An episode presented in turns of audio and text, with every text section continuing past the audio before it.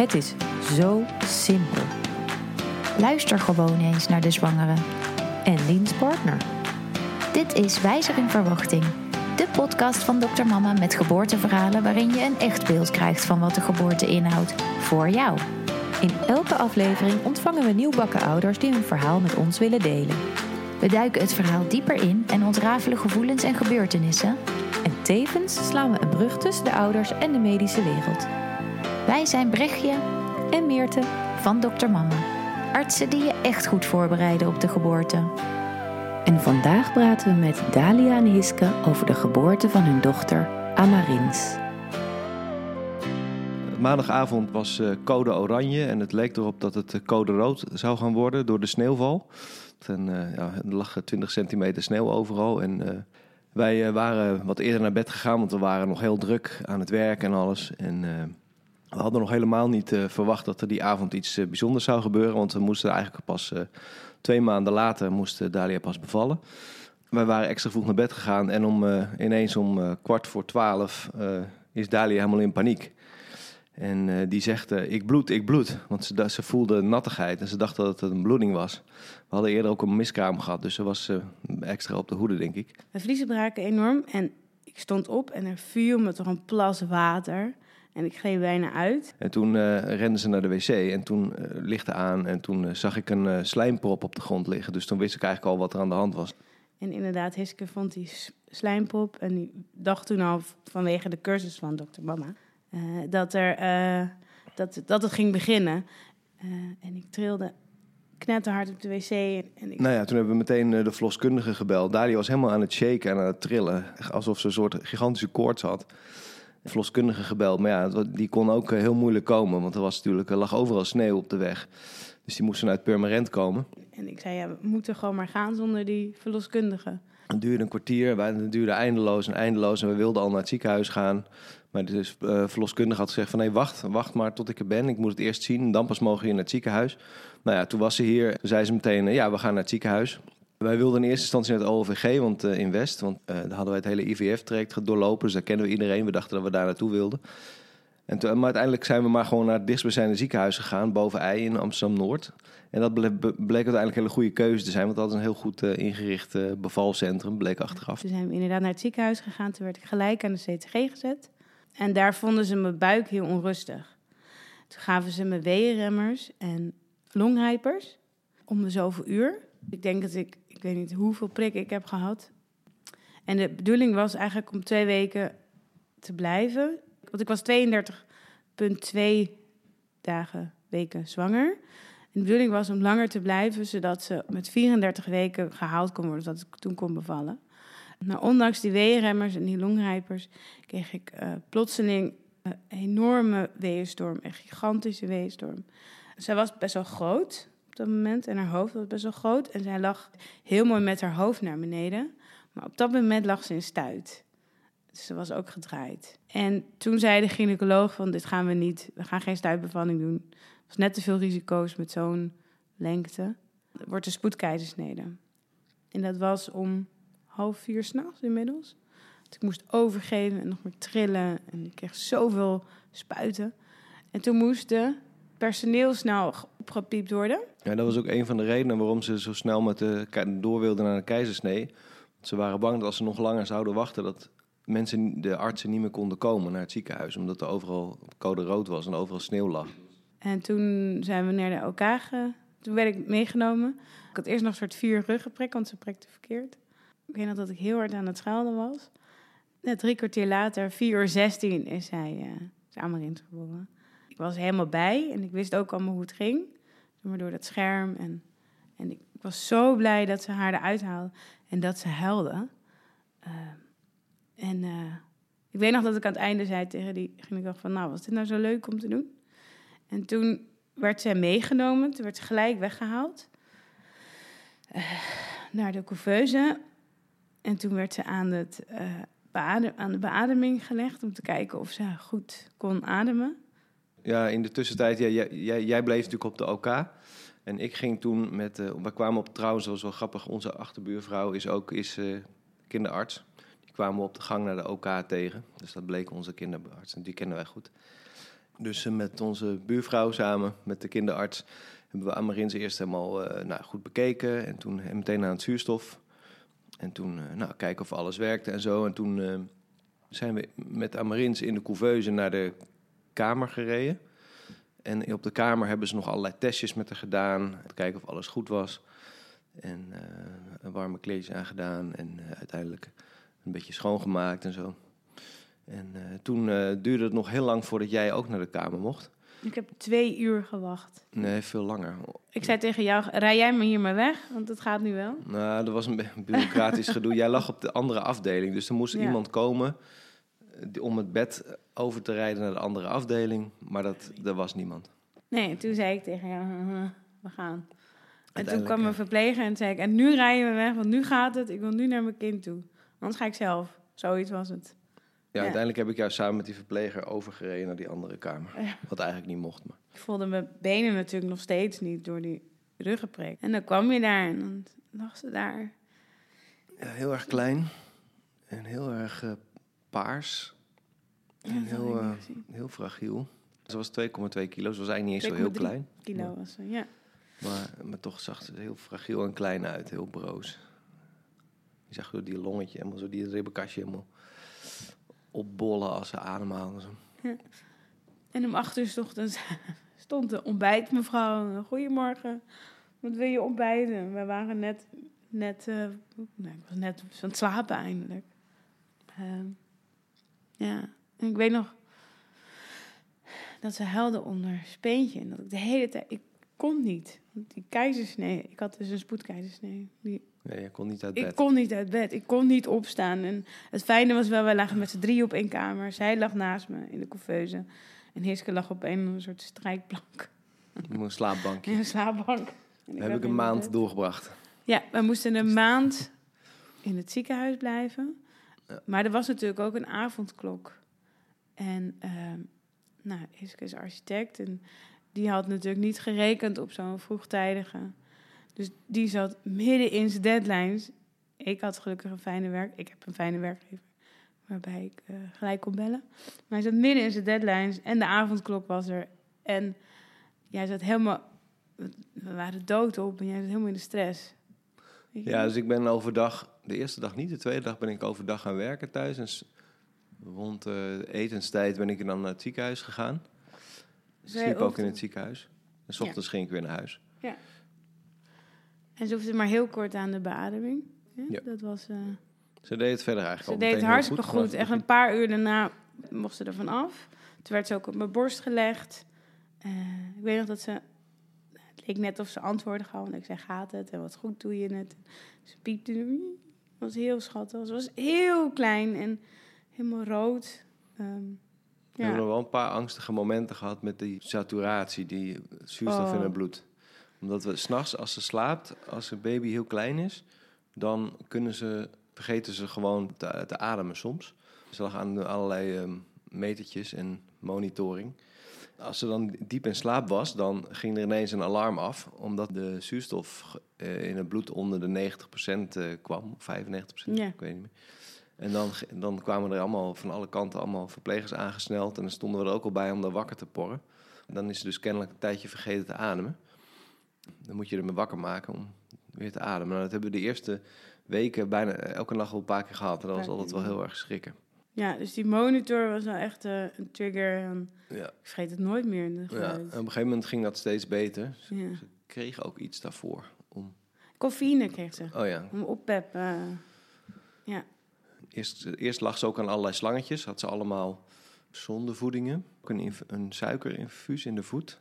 En die was op gaan ontsteken op een gegeven moment. Daar werd ze ook ziek van. Daar kreeg ze koorts van. Dus dat was ook nog even shaky. Ja, dus toen zagen wij de temperatuur steeds verhogen. En de verpleegster nou, 37, 38, hier schrik ik niet van. En toen was het volgens mij 38 meteen. Zei jij nog nu ga je bellen. Nu. En toen zei ze, nou, uh, anders bel ik zelf wel. En eh, toen belde ze, want ja, ze durfde niet anders. En toen zeiden ze van, nou, de ontstekingswaarde is inderdaad verhoogd. Dus ze werden steeds hoger, ze waren er op tijd bij. Toen kreeg ze antibiotica en dat ging gelijk weer goed. Ze heeft volgens mij ze heeft tien dagen in een dichte couveuse gelegen. Ze deed het zo goed dat ze daarna in een open couveuse mocht. Dus dat is inderdaad dat ze boven een lamp hing. eh, Ja. Om haar warm te houden. Eh, met kleertjes aan. En zo'n couveuse stelt eigenlijk niet zo heel veel voor. Het is gewoon een Nou. plastic bak met een terrasverwarmer erin. Ja, zo'n open couveuse. Ja, dat klopt, ja. Ja, en uiteindelijk hebben we dus vier weken daar gezeten. Er werd ontzettend goed voor ons gezorgd. Ik was helemaal klaar met het Ja. ziekenhuis en Dalia was helemaal gehospitaliseerd. die, ja, die kende iedereen inmiddels in het ziekenhuis en eh, had Ja. met iedereen een persoonlijk contact. Eh, ik niet. Ik kwam er alleen s'avonds. En eh, ja, dat, dat, dat leven op twee plekken, dat vond ik heel zwaar. Ja, ik vond het op een gegeven moment heel fijn, want we werden zo goed geholpen. En als ik kon aangeven van, ik ga, wil even doorslapen of zo, kun jij het doen, dan deden ze dat. Maar, het meest vermoeiende, wat wij het allerzwaarst vonden van, dat, van die Ja. maat in het ziekenhuis, is dat je gewoon ehm, de hele nacht door word je wakker gemaakt. Dus je, elke twee uur komt er wel iemand je kamer binnen, klik, gaan alle lichten aan, gaan ze iets doen, een luiertje of even temperaturen of even wat voer, zondevoeding bijvullen of eh, elk Ontbijt, moment, lunch, elk kinderarts. 24 uur per dag komt er iemand je kamer binnen en dan gaan de lichten aan en dan word je weer wakker of je wordt dit. Dus je hebt gewoon geen moment rust eigenlijk. Ja, dat, was in het begin inderdaad. Echt heel zwaar Ja. van het ziekenhuis. Ja. Om daar te zijn. Ja, want iedere, en dat is ook weer heel fijn dat ze dat doen. Want elk, iedere drie jaar inderdaad iets. Dus, maar op, op een gegeven moment werd het wel iets minder, want ze werd ook steeds groter. En wij konden ook steeds meer zelf doen. Ja, Eh, en aan het einde van de rit, ik vond het heel fijn, maar ik had wel het vertrouwen dat ik het zelf kon doen met ze. En ze was zo klein nog. En toen zijn we naar huis gegaan, toen hebben we heel, heel veel, zat in een co-sleeper. Toen heeft ze wel heel veel gehuild, een heel moeilijke slaap komen. En, eh, we kregen toen eerst nog de kraamzorg toen Ja. we naar huis gingen. Ja, ze was ook fantastisch. Want ik had expliciet gevraagd, ook met vroeggeboorte, eh of ze ervaring hadden. eh, zodat we daar ook van konden leren. Eh, en daarna kregen we, en dat is ook een hele aanrader, een toptherapeut. Dat is een fysiotherapeut, Fysiotherapeut. maar die is gespecialiseerd in de motoriek en ontwikkeling van eh prematuurkindjes. En zij wist ons ook helemaal te begeleiden in het slapen. En, eh, want ik droeg haar constant in mijn draagzak. Want ik wilde zo graag bij haar blijven. En ik vond dat het aller, allermoeilijkste. Is dat hechten. Omdat zij zo ehm, ja, vaak in die couveuse zat. En ik wilde de hele tijd gewoon bij me hebben. En ik had er zoveel bij me gedragen dat ze ook heel slap werd. Dus die toptherapeut die zei van... Je doet het heel goed, weet je wel. Maar leg haar even neer zodat ze zelf kan ontwikkelen. En nou, dat heb ik gedaan. eh, Onder heel veel begeleiding. En eh, nou, toen is ze echt sky high gegaan. Dus in één keer is ze zoveel gegroeid. Wat een bevalling. Wat een bevalling. Wat, wat, wat, wat een bevalling. Wat een bevalling. En je hoort in jullie verhaal ook dat het niet alleen maar de bevalling is waar we het eigenlijk over hebben, maar dat het he- de hele periode tot en met eigenlijk de aterme leeftijd nog onderdeel zo is van die bevalling, omdat ze zo onrijp is en omdat je de zorg nog ontzettend moet delen. Ze is nog niet eens helemaal van jullie. Nee, Nee. nou, dat. Ja. Maar als je naar dat stukje totale rollercoaster bevalling, als we daar naar kijken, hoe kijk je op dat stukje terug? Op die nacht met code rood. Ja, het was totaal onverwachts. Wij hadden, we waren nog helemaal nog aan het wennen aan het idee dat we toch een kind zouden krijgen. Want we hadden het eigenlijk al een beetje, doordat we zo lang voortrekt hadden, hadden we het een beetje al van ons afgezet dat het nog zou lukken. Toen hadden we nog een keer een miskraam ge- gehad. Dus eh, we dachten, mijn eerste gedachte was van, oh nee, niet weer een miskraam. Hmm. Dat was het eerste wat ik dacht. En uiteindelijk viel dat gelukkig mee. En toen dacht ik, oh, maar dat kan ook betekenen dat ik gewoon eh, mijn dochter twee maanden eerder ga ontmoeten. Dus dat vond ik eigenlijk ook wel weer positief.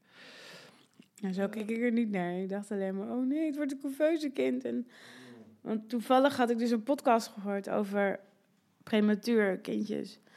Ehm, en eh, ook wel wat gelezen. En ik dacht, oh nee, het wordt straks, dan, loopt ze helemaal achter. En eh, het gaat niet. En ik, ik, allemaal, er kwamen zoveel angsten bij me. En ook van, overleeft het wel? Dat vooral. Ja, want je had net de podcast geluisterd van eh, Ik ken iemand die, met het verhaal een nare film waar je uit wakker wordt. Wat gaat inderdaad over prematuur. Ja. En, en je herinnert je dus ook dat je echt tijdens die bevalling eigenlijk, nou ja, dat heel erg herbeleefde. Dat je dacht, oh mijn god, ik heb dit gehoord. Ik heb nog even gedacht, oh mijn god, als je dit toch overkomt. En vervolgens zat jij in de nare film. Ja, en ik wist er eigenlijk ook heel weinig van, behalve Mhm. datgene wat ik had gehoord. Maar ook hoe moet je, heeft ze een speciale behandeling nodig? Ehm, hoe werkt zoiets? Mini Mini Masterclass, Mini Mini Masterclass met Dr. Mama. Prematuriteit of vroeggeboorte is een zwangerschap die eindigt voor de 37ste zwangerschapsweek. In ongeveer 5% van de gevallen wordt het kindje geboren tussen de 32 en 37 weken en bij ongeveer 1% is dit onder de 32 weken zwangerschapsduur. Dan spreken we van extreme prematuriteit. Meestal treedt een vroeggeboorte spontaan op. Slechts in 20% van de gevallen is er een medische noodzaak om voor de 37ste week te bevallen, bijvoorbeeld door zwangerschapsvergiftiging, onvoldoende groei van de baby of wanneer de placenta te vroeg loslaat. Bij een spontane vroeggeboorte kan er vaak geen exacte oorzaak worden gegeven. Wanneer de geboorte dreigt te gaan gebeuren voor de 37ste week, zullen jullie gecontroleerd worden in het ziekenhuis door de gynaecoloog. Soms kan er geprobeerd worden een dreigende vroeggeboorte te remmen. Zo kunnen eventuele weeën geremd worden met medicatie, kunnen infecties behandeld worden met antibiotica en kan er bedrust worden voorgeschreven. Er kan voor gekozen worden de longen en andere nog onrijpe organen versneld te doen rijpen door het toedienen van corticosteroïden. Dit is een stresshormoon wat aan de moeder wordt toegediend en via de placenta bij de baby komt. Het kan zinvol zijn de geboorte zo lang mogelijk te remmen totdat er voldoende corticosteroïden zijn gegeven voor het gewenste rijpingseffect. Wanneer je kindje te vroeg geboren wordt, zullen er afhankelijk van de zwangerschapsduur allerlei uitdagingen en risico's bestaan. De meeste orgaansystemen zijn onvoldoende ontwikkeld en zullen ondersteuning nodig hebben bij hun functies.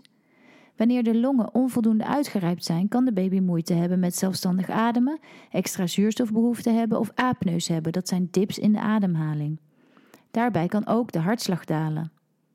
Het maag-darmstelsel is kwetsbaar en kan mogelijk nog onvoldoende de voeding verwerken. Ook treden er vaak voedingsproblemen op door de onrijpe drinktechniek. Voeding kan dan per sonde of zelfs via een infuus gegeven worden. Vanwege de kwetsbaarheid van de baby kunnen infecties optreden die levensbedreigend kunnen zijn. Met name bij extreme vroeggeboorte of bij vroeggeboorte met ademhalingsproblemen worden vaker bloedingen in de hersenholtes gezien. Hoe minder prematuur je baby is, hoe minder moeilijkheden er verwacht worden. Dichter bij de 37 weken zwangerschap zijn het vooral voedingsproblemen, geelzucht, ontregelde lichaamstemperatuur of infectiegevaar die problemen kunnen geven. Afhankelijk van de hobbels die op jullie pad komen, het gewicht van de baby en de originele zwangerschapsduur, zal je baby in het ziekenhuis moeten blijven totdat alle seinen op groen staan. Vaak betekent dit dat er een moment komt dat je als ouder naar huis gaat terwijl de baby achterblijft in het ziekenhuis. Het verschilt per ziekenhuis en per situatie of er ook voor jou als partner ruimte is om te blijven. Eenmaal thuis met de baby is er vaak nog enkele dagen kraamzorg mogelijk en start ook de rest van de zorg rondom prematuur geboren baby's op. Dit is natuurlijk maar een mini-mini masterclass. Als je je realiseert dat je baby nog twee jaar lang gevolgd wordt door de kinderarts en premature zorg, dan voel je al wel aan dat de impact van een premature baby nog lang door zal resoneren. Ook als de baby er fluitend doorheen fietst, hebben jullie vaak angsten gekend die jullie bestaan op de grondvesten deed schudden. En ook is er vaak rouw om al die roze wolkmomenten die jullie hebben moeten missen. Want ik wilde haar alle... Ik wilde het zo graag goed doen. Hmm. En zeker en zo, dat ze zo fragiel is. En ik vond het... Ja, het feit dat ze zo... Als ze dan bij je werd gelegd, dan kon dat...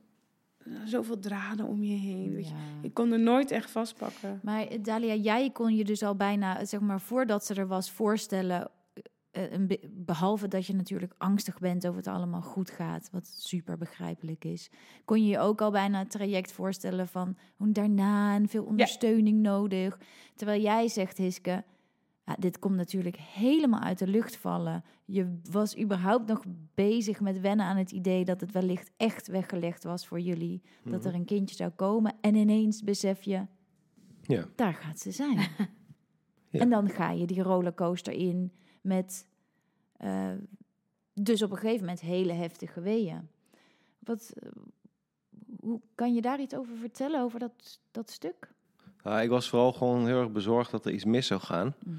Tijdens dat traject, tijdens die geboorte en ook die vroeggeboorte. Ik was bang voor zuurstofgebrek en dat soort dingen. Weet je, al Mhm. dingen waar je overal aan hoort. Eh hersenbeschadiging, allemaal horror dingen waar je niet aan wil denken. Dus daar was ik vooral bang voor. Dus eh, toen die arts ook zei van, we gaan een keizersnede doen. Toen dacht ik, ah, mooi zo. Mhm. Weinig risico. En Dalia, die, van- die wilde juist, die, die zat in een hele andere modus. Die wilde dat eigenlijk helemaal niet. Want- Ik heb een haptonoom gehad. Ik heb allemaal trajecten gehad. Hoe die, de cursus, dokter mama, eh, eh, gehad over die bevalling. En ik dacht, nou, kom maar met die bevalling. Maar ik wilde absoluut geen keizersnee. Absoluut niet. Want er was- waren weer Nee, zoveel Dus complicaties. we moesten eerst met z'n allen nog Dalia overtuigen Ja. dat het echt de beste optie was. Ja, zeker. Nou ja, ik kan me ook wel voorstellen, zeg maar, het, jullie komen in het ziekenhuis aan met eerst het bericht, we gaan kosten wat het kost hier proberen die baby binnen te houden. Dus we gaan voor 34 weken. Ja. Ik bedoel, de, de mind shifts en de mindfucks die jullie gehad hebben, is, is onvoorstelbaar waar je de hele tijd op moet anticiperen. Ehm, en, en ik hoor jou zeggen, Hiske, eh, die bevalling wordt eigenlijk een, bijna een minor ding. Dus wat je zegt, hetgene wat eigenlijk vooraan staat is, als dit maar goed gaat. Ja. Eh, ja, de weeën worden snel vergeten, zeg maar. Dus dat er ook nog heel veel lichamelijke inspanning ondertussen is. En, en daar natuurlijk ook energie naar uitgaat. Ja, ja, ja.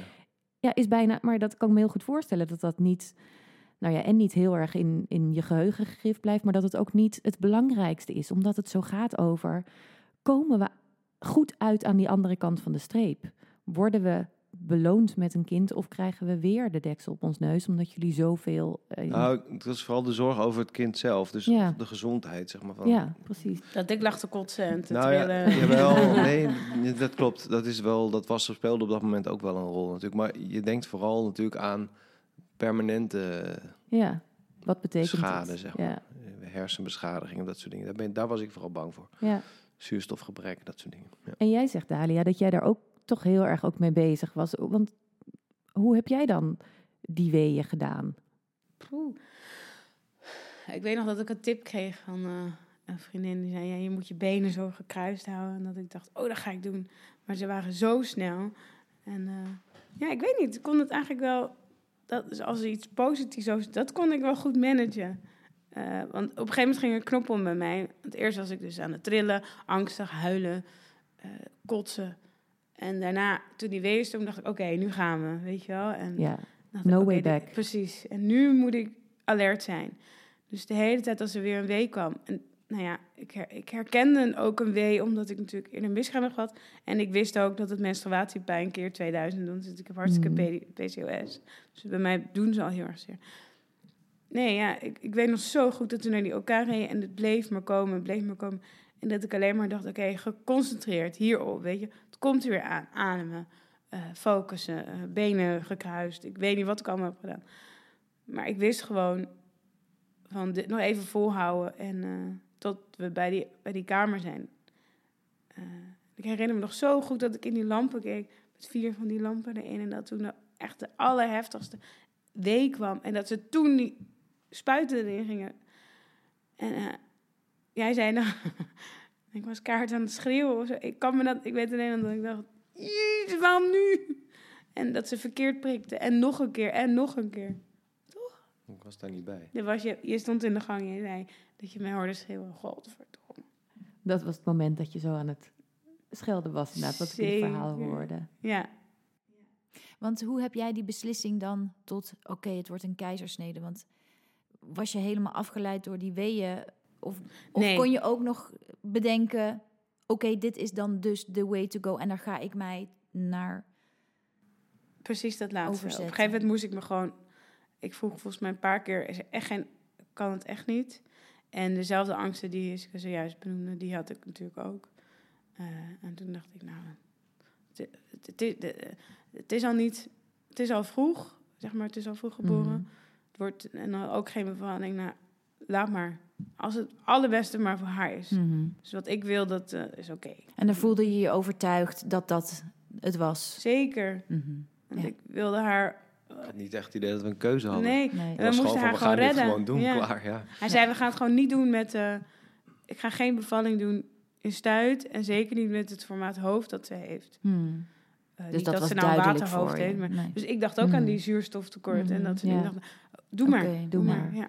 Hoe was dan het moment dat ze... Want je hebt het door het lakentje heen mogen zien. Dat ze was.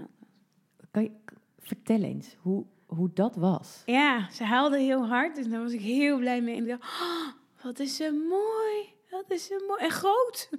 Mhm. En, en nou ja, ik was eigenlijk al zo, ik was zo opgelucht. En ik was eigenlijk ook heel erg opgelucht dat het onze buurvrouw was die haar vast had. Mhm. Want ik zei tegen haar, oh help alsjeblieft, zorg goed voor... Dus Dalia, dit is mijn werk. Ik ben hiervoor getraind. Dacht, oh ja, duh, natuurlijk. Uh, dus ik had totale vertrouwen. Maar dat het enige wat me zo hard raakt, is dat zij dus zo lang weg is geweest. Voor mij. Ja, want Hiske, jij was eigenlijk Ja. degene die dat hele Ja. eerste contact er helemaal goed kunnen bekijken. En, Ja, dat klopt. En dat is heel, ook wel heel onwerkelijk hoor, met je eigen kinderen. Dat weet iedereen die een kind heeft, denk ik. De eerste keer dat je je eigen kind ziet, dat is heel onwerkelijk. Want je, je, moet- je, je, je kent die, dat Ja. wezentje eigenlijk nog helemaal niet. Dus je moet, ook, je moet een beetje aan elkaar wennen ook, zeg maar. Ja. En ze leek heel erg op jou. ja, dat had ik ook niet verwacht. Dat, ik vond dat ze heel erg op mij leek. Meteen. Dat had ik ook helemaal niet verwacht. Dus eh, En wat deed dat dan met je? Dat ze zo op je leek? ja, ik weet het niet. Ja,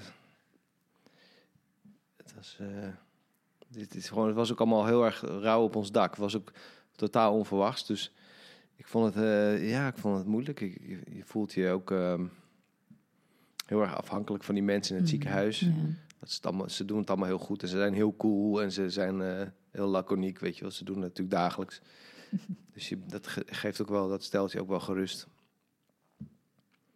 Maar je voelt je ook wel een beetje machteloos als je daar Ja, zo staat. Ja. Want ik kan me zo, ik hoor ook zo, er, er zitten zo van die golfbewegingen of zo. Je, je hebt het dan, oké, het is gelukt, ze is er, ze huilt, ze doet het. Maar dan komt het, dus dan lijkt er een soort van ah, opluchting, maar woeps, daar ga je alweer in de volgende. Oké, en nu? Weet je, wat heeft ze dan nu nodig? En dan wordt, daarin word je zo geleefd en meegenomen. Dus kon je die opluchting even voelen? En, en wat kwam daarna dan? Jawel, toen jij daar naar Toen de kinderarts kijken? het, van het gaat supergoed, ze doet het heel goed, alles, eh, de, alles eh, de, saturatie is goed, ze ademt goed. Ze is eh, niet heel klein voor een pre, ze is twee maanden te vroeg geboren, maar ze heeft een goed gewicht. Ze is vrij groot voor haar leeftijd, zeg maar. Ze, ze, ze kan het makkelijk aan. Dus de, de kinderarts was altijd heel optimistisch. Ze zei, er is helemaal niks aan de hand, alles gaat gewoon goed. En eh, ja, dat helpt wel heel erg. Mocht je al iets met haar, mocht je er vasthouden? Nee, ik mocht er wel even aanraken. Zo, ze lag, ze ging, toen ze net geboren was, werd ze in een kamertje naast de OK gelegd. Dan werd ze zo'n beetje bekeken en schoon. Mocht ik er ook meteen, zei de, de kinderarts ook van, nou, raak er maar even aan. Zo, hou de hand maar even vast. Dus dat was wel leuk om eh, mee te maken. Ja, het is heel bijzonder om te zien. Zo, dat, ja, dat is gewoon, eh, je kan gewoon helemaal niet, je kan je geen voorstelling van maken dat je eigen kind ziet zo voor het eerst. Dat is heel gek. Ja. Onwerkelijk. En jij moet daar nog even op wachten. Oh, Je was daar bijna zelf naartoe gelopen. zeker. Ik dacht, eh, nee, ik moet iedereen. Maar eh, ik voelde me ook, eh, de dagen daarna, voelde ik me enorm schuldig. Mhm. Dat schuldgevoel. Dat ik er niet langer heb kunnen dragen. Dat ik er niet gelijk aan de borst kon leggen. Dat ik niet er speen in de mond kon doen. Want ik kon niet opstaan. Of ik kon niks de eerste dagen. Ehm, ja, daar heb ik nog heel lang mee gelopen. Dus het, vooral het feit... Kijk, je vindt je lichaam ook kloten omdat je hulp nodig hebt om zwanger te raken. En als je dan ook een kind niet lang kan dragen... eh, ja, wat is het dan nog... Nou ja, niet waard, maar hè? Hmm.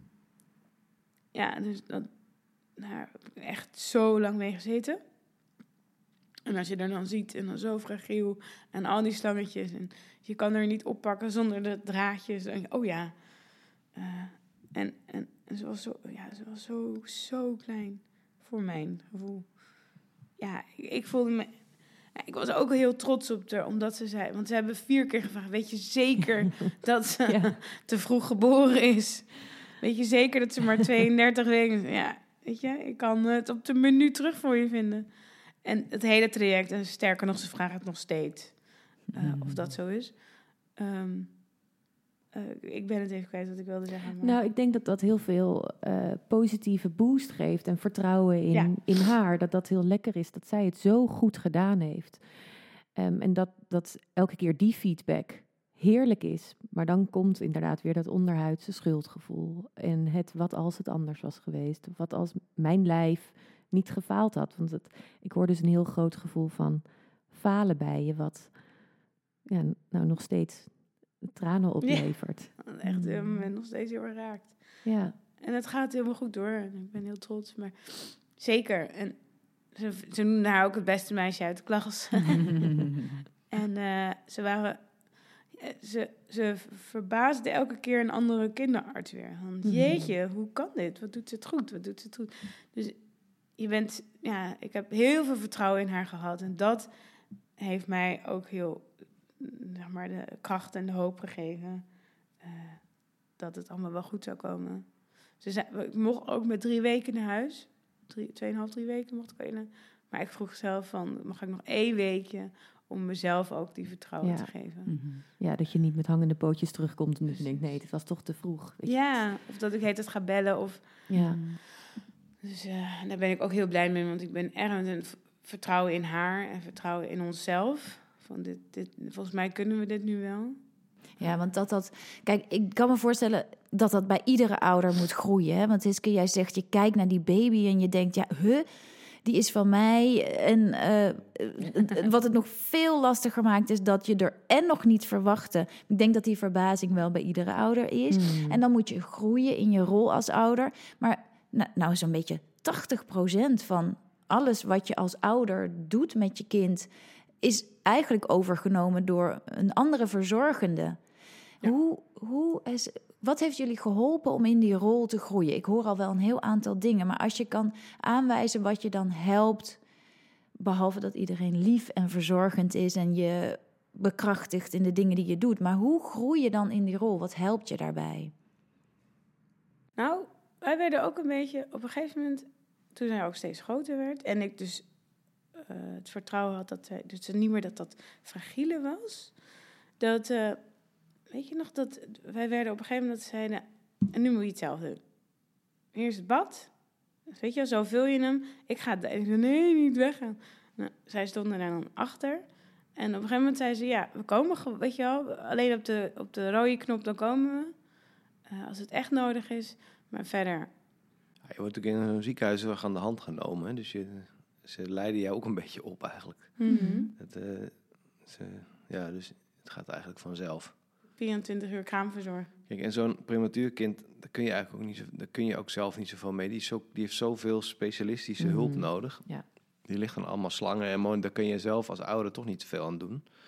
En, dat, en langzaam maar zeker wordt zij wat groter en wat sterker. En dan neemt jouw rol als eh, verzorger ook wat eh, Ja. meer, krijgt wat meer vorm. Zeg. maar. ja. Dus eigenlijk kon je ook zeggen, de kleiner, hoe kleiner ze was, hoe meer draden. En hoe groter ze werd, hoe minder Ja. Draden. En Hoe meer ze van jou werd eigenlijk. Ja. Ja. Dus ze elk- helemaal elke keer los. wordt er iets Ja. afgekoppeld. Dus Ja. in het begin, eerst, na de eerste dag ging de zuurstof eraf. Op een gegeven moment ging de zonde er dan uit. Ja. Dat zijn allemaal van die momenten. hè. De- Ja. eh, Op een gegeven moment ging dan de hartbewaking eraf. Ja. Eh, En ook in en een al die- wiegje en werd die, die, gelegd. die, eh, heet het, die, die, die naalden in de voet gingen eruit. Ja. Mhm. Ja, dat stapje voor stapje kom je dan, Ja. ga je naar een normaal eh, situatie. En wat je zegt, dan wordt er steeds meer van jou. Ja. Want je kan Ja, er gewoon oppakken pakken. zonder dat Ja. je denkt, oh ja, en er zitten allemaal... Ja, of mag dit wel? Of, eh, Ja. Want eh, jij bent 24 uur per dag aan de zijde. Zeker. Jij bent grote delen van de dag eh, moet je werken. Eh, is het voor jou, denk je, anders geweest? Ja, zeker, absoluut. Dalia woonde echt in het eh, ziekenhuis en die zag ook niks anders. Ik merkte ook echt dat ze helemaal in een soort tunnelvisie eh, zat. Of hoe moet je het zeggen, in een soort bubbel. Mhm. ja, die was met niks anders bezig. En ik stapte daar gewoon s ochtends om negen uur weer uit, zeg maar. En om s'avonds om vijf of zes uur kwam ik daar weer terug in. Dus ja, ik, ik zag het veel meer als een buitenstaander dan Dalia. Dalia die werd er echt in ondergedompeld. En eh, ja, die had ook een veel persoonlijkere band met al die verpleegkundigen en zo dan ik.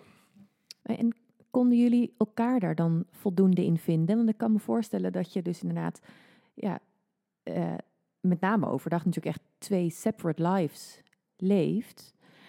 Um, en s'avonds moet je dat, nou ja, dan is het s'avonds. Nee, dat ging goed hoor. Dat is ook een soort rustpunt. Ik ben normaal gewend om altijd s'avonds ook te werken en zo. Dus ja, dat, eh, dat, dus sowieso moest ik dan, ja, ging ik gewoon om vijf uur daar naartoe. En dan ging ik ook niet meer werken s'avonds. Dus voor mij hmm. was het eigenlijk wel een soort rustpunt ook. Uh, dan nee, alle focus er zijn. Ja, ja, maar op een gegeven moment, ik merk wel dat Dalia heel erg in die, in die ik, ik, merk, ik had ook het idee dat het voor Dalia op een gegeven moment ook niet goed was om alleen maar in het ziekenhuis te mm. Dus toen ze wat ouder was, toen hebben we op een gegeven moment uh, hebben we bedacht dat we Dalia uh, om dat we thuis zouden gaan eten. Mm. En dan uh, haalde ik Dalia op om vijf uur. En dan gingen we om acht uur weer terug naar het ziekenhuis. Was de avondklok er niet meer? Nou, op een gegeven moment hadden we sowieso... Ik had een briefje gekregen van het ziekenhuis. Ik, oh, ja. ik hoefde niks van de avond... Ik, ik had een briefje gekregen...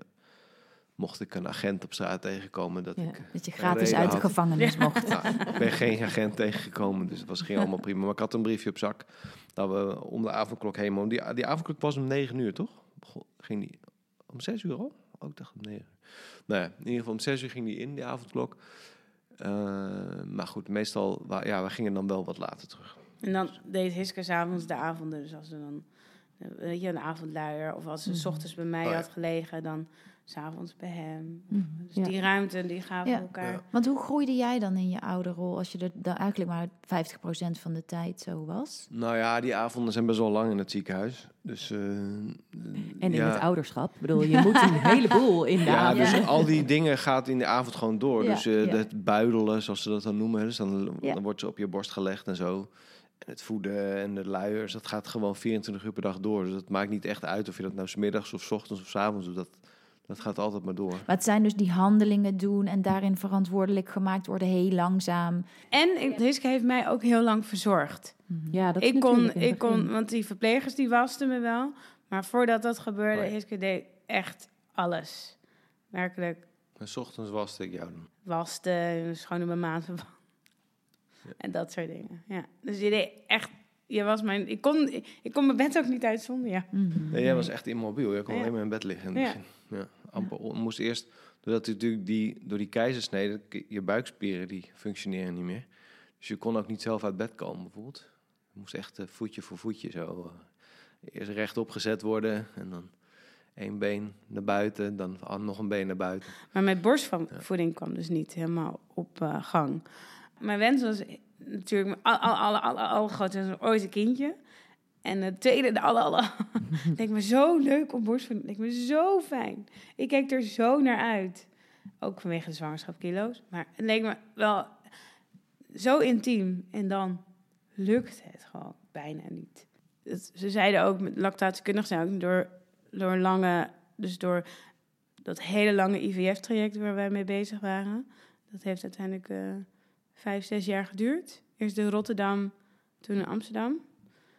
Uh, en de spoedkeizersnee en de vroeggeboorte zijn allemaal factoren dat mijn borstvoeding niet op, op gang kon komen. Ik kolfde acht keer per dag.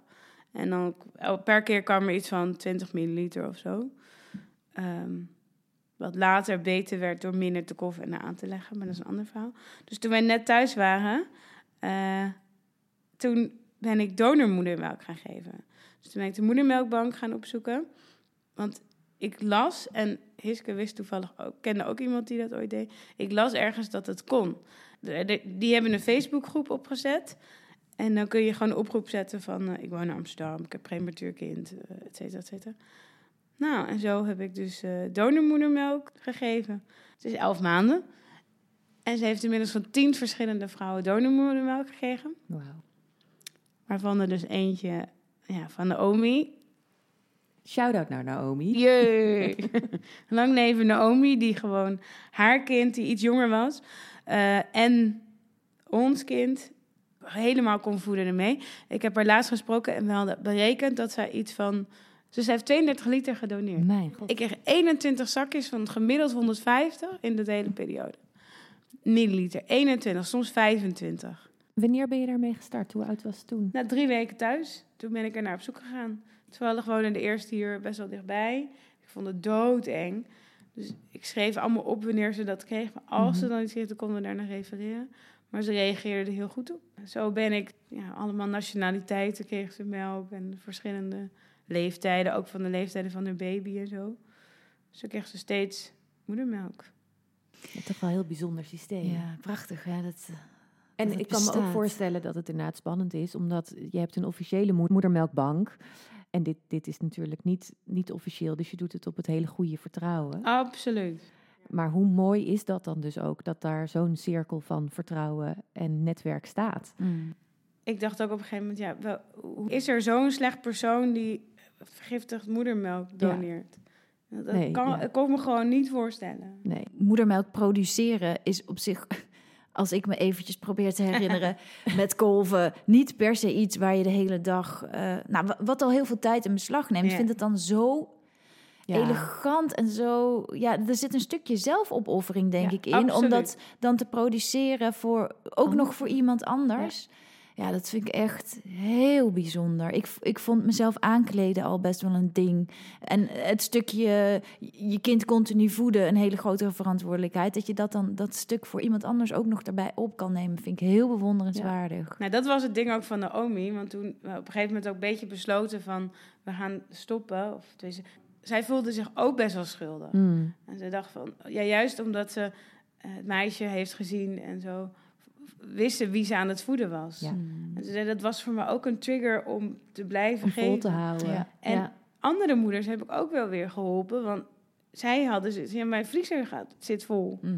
Ja. En nu... Zonde om zoveel bloed, zweet en wil- tranen precies, dan eh, niemand verloren wil. te laten gaan. En Ja. wij hebben nu dan bij de buurman de vriezer, vriezerlade gevuld.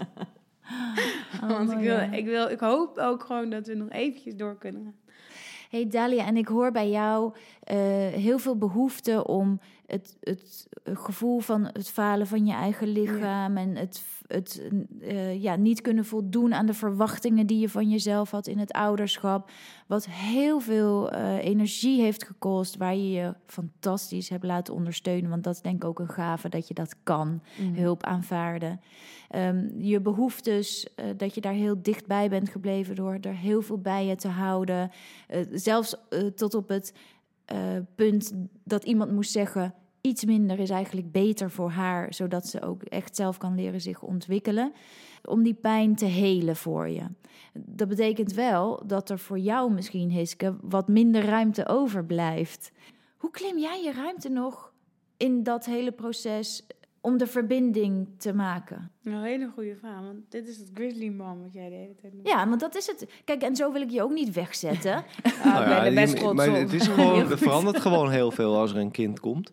Eh, ja, met name Dalia, die is gewoon heel erg veranderd sinds uh, Amarins er is. Dat is gewoon echt zo. Die is gewoon een soort, inderdaad een grizzly mom geworden. Dus eh, je kent wel die verhalen dat je in Canada door een bos loopt en dat je een, een, een, een moederbeer met een jong tegenkomt. Nou, zo is Dalia geworden. Dus iedereen die in de buurt van de kind komt, ja, die moet wel eh, op, op zijn tellen passen. Dat geldt voor mij soms ook een beetje. Dus ik moet wel, eh, ja, het is gewoon wel wat het een en ander veranderd. Ja, ja, in, de, ja, in de eerste jaren ligt natuurlijk toch, is die moeder-kindband gewoon heel sterk.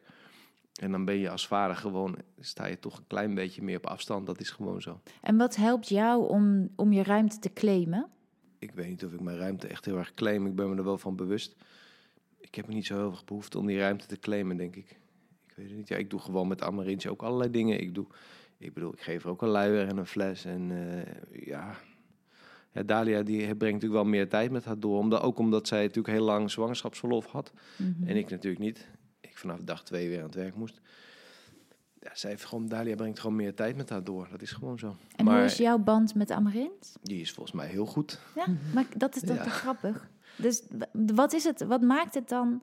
Het, het is niet zozeer kwantitatieve zin brengt Dalia meer tijd met het door. Maar uh, ik heb wel heel leuk contact met Amarins. Want het is gewoon een heel leuk, uh, vrolijk uh, meisje. Dus het, ja, we hebben, we hebben gewoon heel veel contact. Dat merk ik gewoon. Ze, ze, ze weet ook heel goed wie ik ben hoor. Dus dat, eh, Ik wil even terug. Die, wat je, precies wat je zegt, door dat falen en door die vroeggeboorte en door die schrik en door de duizenden prikken, zo niet weet ik veel hoeveel prikken ik ooit heb genomen om haar te kunnen krijgen of überhaupt eh, te lukken.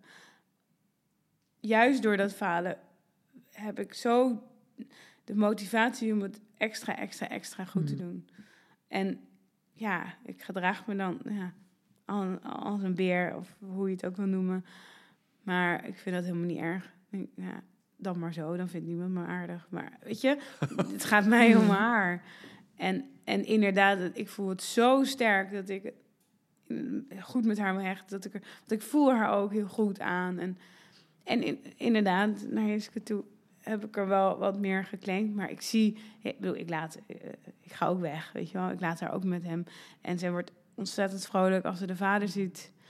Ja, het is wel zo, het geeft wel wat strijd af en toe. Ik bedoel, Dalia die is heel erg af en toe, ja, die is heel erg eh, beschermend naar Amarins. En ik ben iets laconieker. Nee, dat, Dalia kan dat nog niet loslaten dat ik alleen met Amarins eh, met de auto ergens naartoe ga. Dat is nog een stapje te ver voor Dalia. Ja, Ja, dat dus- lijkt me echt ook wel ingewikkeld. Thanks. Nou, maar het Van lijkt beide. me van beide. Sorry, Dalia. nee, maar het lijkt me dus ingewikkeld dat je hebt een verwachting van jezelf als ouder. En jij, je zegt terecht, hè, er verandert in je relatie absoluut iets. Zeker als er dingen op je pad komen die niet helemaal conform de verwachting waren. En daar moet je dan ontzettend mee dealen. En wat ik mooi vind, dat ik je hoor zeggen: ja, oké, eh, ik kan het begrijpen van Dalia. En, en ik eh, gun het haar ook. Ik denk dat ik je dat hoor zeggen. Maar ik moet best wel werken om af en toe zelf ook wat te claimen. En dat probeer ik. En gelukkig zie ik aan Amarins dat wij ook iets bijzonders hebben. En dat wij een band hebben. En dat, eh, dat ik een rol heb in het ouderschap. Maar daar moet ik soms best wel wat harder aan trekken. Dat is het fijne. eh, even een compliment aan jou. Dat is het hele fijne aan Iske. Hij laat me. Hij geeft me de ruimte. Die ruimte heb ik ook nodig. En eh, ik heb ook tegen hem gezegd van... ik weet dat ik zo ben. Sorry, maar... En ik weet ook dat het overgaat. Ja, want dat moet ja. inmiddels, hè, want ze is nu elf maanden. Daar zit denk ik inmiddels. Ja, ik ben al een keer nacht weg geweest. Kijk. En eh, eh, ik weet... Nee, ik heb wel zoiets van... Nou, nog even een mijlpoort. Het is echt gecorrigeerd. één jaar is Maar ik zit zelfs te denken om een keer een weekend weg te gaan. Ja, kijk. Heel langzaam aan. Ook omdat ik het vertrouwen heb. Dus, ik bedoel, zij is pittig genoeg, weet je. wel. Mm. Hij zegt wel wat ze wel en niet wil. Nou, ik denk dat dat ook heel mooi is wat er eigenlijk altijd in een eerste jaar gebeurt. Je gaat door zoveel fases heen en dan heb ik het over het eh, jaar zonder dat je ook nog stressvolle gedachten hoeft te hebben over mm, prematuriteit. Hoe ga je je ontwikkelen? Moeten we extra ergens op letten? Ik bedoel, daar komen zoveel extra's bij. Maar een normaal eerste jaar met een baby leidt je al door al die fases, waardoor je echt inderdaad bij die eerste, bij het eerste jaar echt dan pas weer een beetje denkt, ah ja, ik geloof dat we er wel weer zijn met z'n drietjes. En daarvoor is dat gewoon een traject en met eh, nou ja, het vallen en opstaan. Want soms geeft het eh, spanning en soms zeggen jullie, ja, dit werkt eigenlijk heel goed voor ons. Dit past bij ons. En langzaamaan voel je ook dat je omhoog gaat en steeds meer weer. Je moet je helemaal opnieuw verhouden tot jezelf en elkaar en de wereld en je rol. Het is een soort puberteit waar je doorgaat. En dan blijf ik het, en ik denk dat ik het zo'n beetje iedere podcast zeg, maar ik vind het zelf gewoon heerlijk. Blijf herhalen. Het, dat eerste jaar is niet representatief voor de rest van je leven. Daarna verandert het. Oké, dan is er een soort laag bijgekomen, maar dan, dan komt er dus ook weer een stuk van wie je wel herkende in jezelf en in elkaar eh, terug. Ja. Ja. Ja, die kant zijn we nu, nou ben ik nu, ik merk het ook aan mezelf, langzaamaan weer aan, op aan het gaan. En ik heb ook heel veel EMDR gehad over die monitor, want dat was de trigger. Mm. En die vroeggeboorte, want het was zo een schrik. En eh, later bleek ook nog eh, dat er een eh, stukje placenta in mijn baarmoeder was achtergebleven. kwam ik drie maanden later achter. Dus moest ik weer geopereerd worden. Dus die EMDR heeft wel heel goed geholpen. Die, die toptherapeut hebben we nog steeds. Zij was echt eh, voor mij mijn redding. Ik heb er ook huilend opgebeld, want ik weet gewoon niet wat ik moet doen. En het heeft ook te maken met al die prikkels bij zo'n vroeggeboorte. Dat je niet wil dat ze te veel huilt, te veel stress heeft, te veel Mm. prikkels krijgt. Daar kregen we allemaal mee van, neem er niet te veel op bezoek. Neem, weet je wel, zorg dat ze rust heeft. Ga heel goed met haar mee. En dat was voor mij ook een angst zo van, oh, als ze maar niet te veel prikkels heeft. Als ze maar groeit, als ze maar haar ruimte krijgt om te groeien. Ja, op die manier eh, heb ik denk ik van, nou, ik heb een jaar lang uh, knetterhard mijn best gedaan. Alles opzij gezet. Uh, zodat zij op een bepaald punt komt en we zijn er bijna. En ja. dan denk ik, oh gelukkig, weet je wel, nu gaan we verder. Jeetje, wat een bijzonder verhaal gewoon. Ik vind het er komt zoveel bij kijken op zoveel vlakken. Heel, heel bijzonder. En heel bijzonder dat jullie het verhaal ook willen delen. Zeker omdat er prematuriteit veel voorkomt of vaker voorkomt. En ik wist er heel weinig van, of ik hoorde er weinig over. En... Nou, als je eenmaal een prematuur kind hebt, dan kom je erachter dat er in de omgeving heel veel zijn. Ja. Want dan begint iedereen eens ja, maar ons is het dochter, is ook kind, is ook uh, twee, drie maanden te vroeg geboren. absoluut, en dan, dan krijg je heel veel tips. En er is één boek, dat heet Terug naar huis. En dat gaat over de handleiding van de geboorte van prematuur tot het eerste jaar.